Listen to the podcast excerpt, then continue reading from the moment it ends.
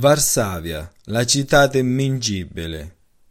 Johanna Lasser.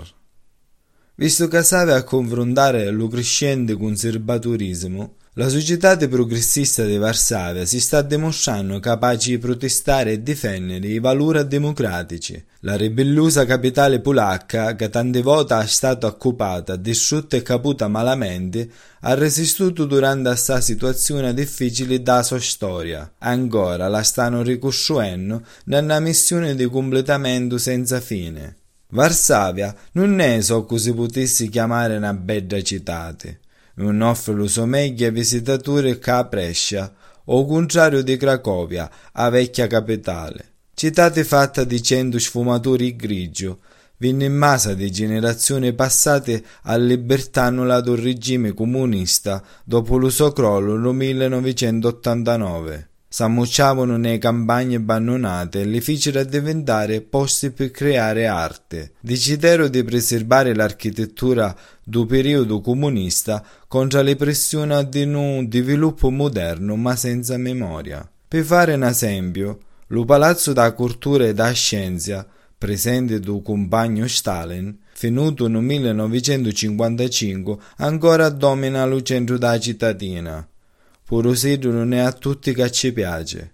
Tanto un posto quanto odiato dai cristiani di Varsavia, l'immenso palazzone di 800.000 metri quadri fu a suo tempo un complesso culturale vitale, ospitando musei, sale per conferenze, laboratori di studio, teatri e cinema e case d'arte. Negli ultimi trent'anni ne hanno nasciuto a Tinghitè, di gaddarie locali bar na Varsavia post-comunista perché la città continua a attrarre studenti, capi di compagnie internazionali, artisti e vendurieri ad ogni parte del mondo. C'è di camminare strade della città per farsi madre dell'energia che l'attraversa e farsi conoscere nei sognoni ammucciati, per incontrare cristiani che marciano o che si fermano già quando non ti trovi praticamente al centro di una marea di gente che protesta con cartelle e segnala. Marci in silenzio e dimostrazioni ribellose con scene che si vedono spesso a Varsavia. Ciura bianche, vestiti niguri, cannili, occhi di fuoco, su tutte cose che si miscono con un mare di bandiere bianche e rosse. E mentre che certi si sventolivano una bandiera blè a stili gialli dell'Europa, altri gli sono chi daniora e verdi delle patrioti nazionalisti nostalgici da ranne Polonia di mare a mare. Certuni uccidono, non facciamo morire la democrazia in silenzio. Altri si battono pa Polonia pura, una Polonia bianca. E questo lo paradosso nazionale che è diventato praticamente una specie di scissione tra due poloni divisi che si sciarrivano o non si donano un disa e sta scissione va finisce poi nei chiazzi, letteralmente e metaforicamente.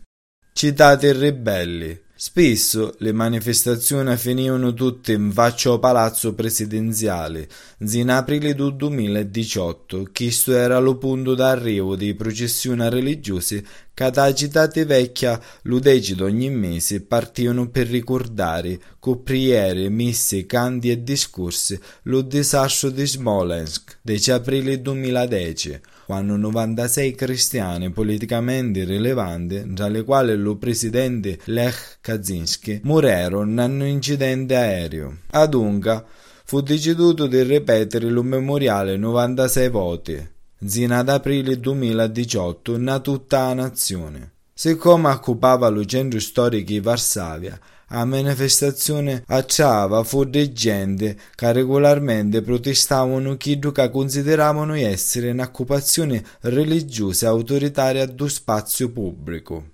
L'opposizione di, di cittadini e movimenti nazionalisti ha cominciato nel 2015 di un'organizzazione non governativa, la Commissione per la difesa della democrazia, ogni 13 dicembre, nell'anniversario del giorno nefasto del 1981, quando lo generale Jaruzelski muniò la legge marziale in Bologna.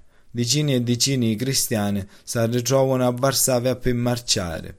La manifestazione del 2016 vide la più grande affluenza dopo le prime addiuti liberi nel 1989.